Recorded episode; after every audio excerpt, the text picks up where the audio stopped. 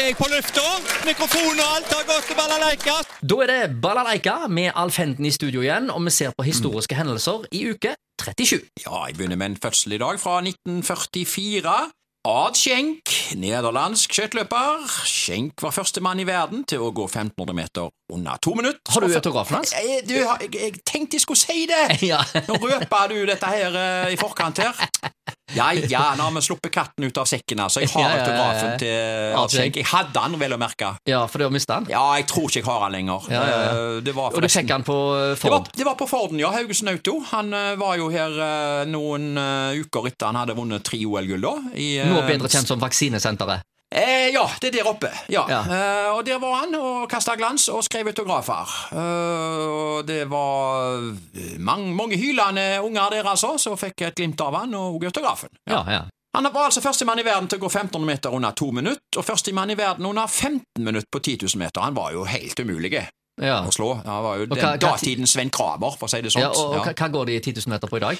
Ja, eh, de er jo ned på 12-tallet. 1241 er vel Nei, han er 12 verdensrekorden er jo langt ned på 1230-tallet nå. Ja, Ja, visste han det? Så øh, 12.30 akkurat, tror jeg. Ja, ja, da Um, så- går det unna. ja, det går unna. Ja, da har de parkert skjenken ja det, det har de, altså. med flere minutter. Ja. Men eh, 1972 det var jo det aller største skjenkeåret, det, med EM-tittel, VM-tittel og altså tre OL-gull i Sapporo. Det ble det autografer av, Ja, som ja. sagt. ja. 1956, David Copperfield født, amerikansk illusjonist. Uh, Copperfield eh, fikk jo for eksempel frihetsgudinna i New York til å forsvinne, og han har gått gjennom den kinesiske muren. Hvordan gjør han det?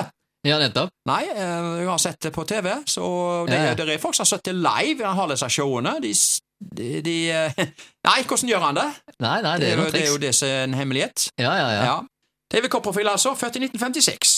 Hendelser internasjonalt. 1979. Eh, dramatisk flukt. To østtyske familier på til sammen åtte personer flykter over grensa til Vest-Tyskland i en hjemmelaga luft, eh, varmluftsballong. ja.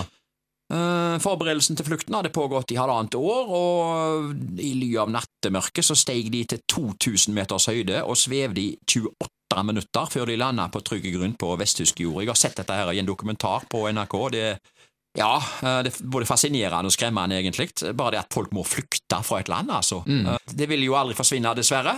Det vil jo alltid være flyktninger. Eh, Det var kreativt fors forsøk, dette, og heldigvis for dem så lyktes det.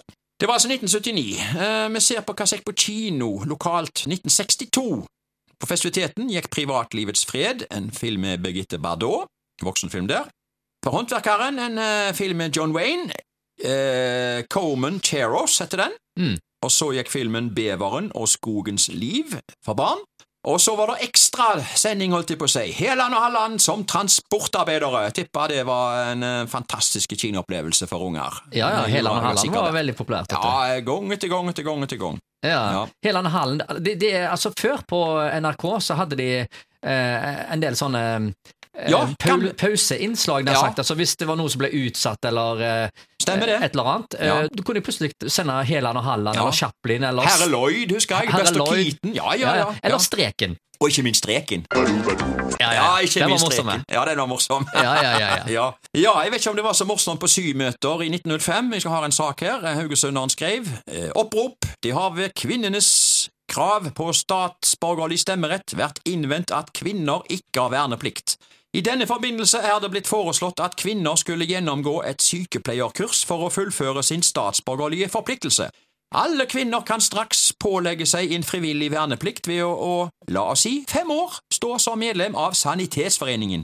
Da her ingen sanitetsforening er, har man tenkt å innrette seg på den måte at der hos interesserte kvinner og menn innsamles penger og samtidig settes i gang symøter til forarbeidelse til klesstykker som sendes inn til Norske Kvinners Sanitetsforening. Symøter vil bli avholdt mandag, onsdag og fredag fra klokken halv fire i Unge Kvinner Kristelige Foreningslokale i Rådhuset. Ja, altså symeter øh, var jo her tydeligvis godt anerkjent, men øh, i våre dager så er det vel blitt litt mer sitt ned på i dagligtalen, er det ikke det? Eh, Vi sier vi ikke at det, det er bare en syklubb, eller? Ja, ja, ja. Det er litt sånn nedsnakka nå, Ja, det er gjerne det. men det var ikke det i gamle dager, altså. Men da var det svære. Det var Sverige, ja. Ja, ja, ja. Apropos svære greier, går til 1980, europacupsensasjon av Haugar, du. Haugesunds Avis skrev Haugar sto for Haugesundsfotballens kanskje største prestasjon til dags dato Ved å spille uavgjort 1-1 mot Sion i Europacupens første runde i går. Det var altså i 1980, og jeg husker veldig godt jeg, altså Peter Aasborn skåra 1-1-målet. Jeg husker godt jeg gikk rundt på kjøkkengulvet hjemme og venta på resultatet i Dagsnytt-sendinga på radio ved midnatt, for eh, jeg tror ikke det var sagt i noen tidligere sendinger. Eh, Kampen gikk jo sen kveldstid, og til slutt så kom det Sion Haugar 1-1.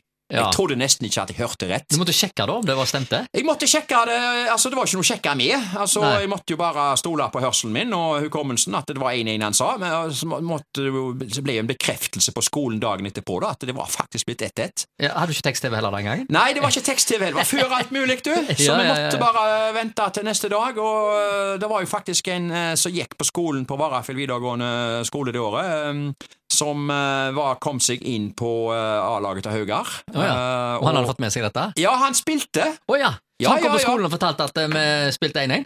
Ja, det er jo helt utrolig å tenke på at, eh, at det gikk en elev på uh, Varafjell videregående skole som hadde faktisk vært med og spilt 1-1 i, uh, i Sion. Hva var det han het han der? Einar Straume! Einar Straume, Ja, ja. ja, ja, han ble helt. Det var ikke så mange flere kamper han spilte, men han spilte den i Sveits, altså. Ja, nettopp, nettopp. Omkampen, eller returkampen som det heter, den vant Haugar 2-0 og gikk til andre runde i Europacupen. Så det ene miraklet tok det andre med seg. Ja, Fantastisk. Og da var de nok sikkert ekstra gira òg, da, og ga alt. Ja, ja, ja, ja, ja. Så gøy som det var da. Eh, Ja. og helt utrolig. Uh, Ja.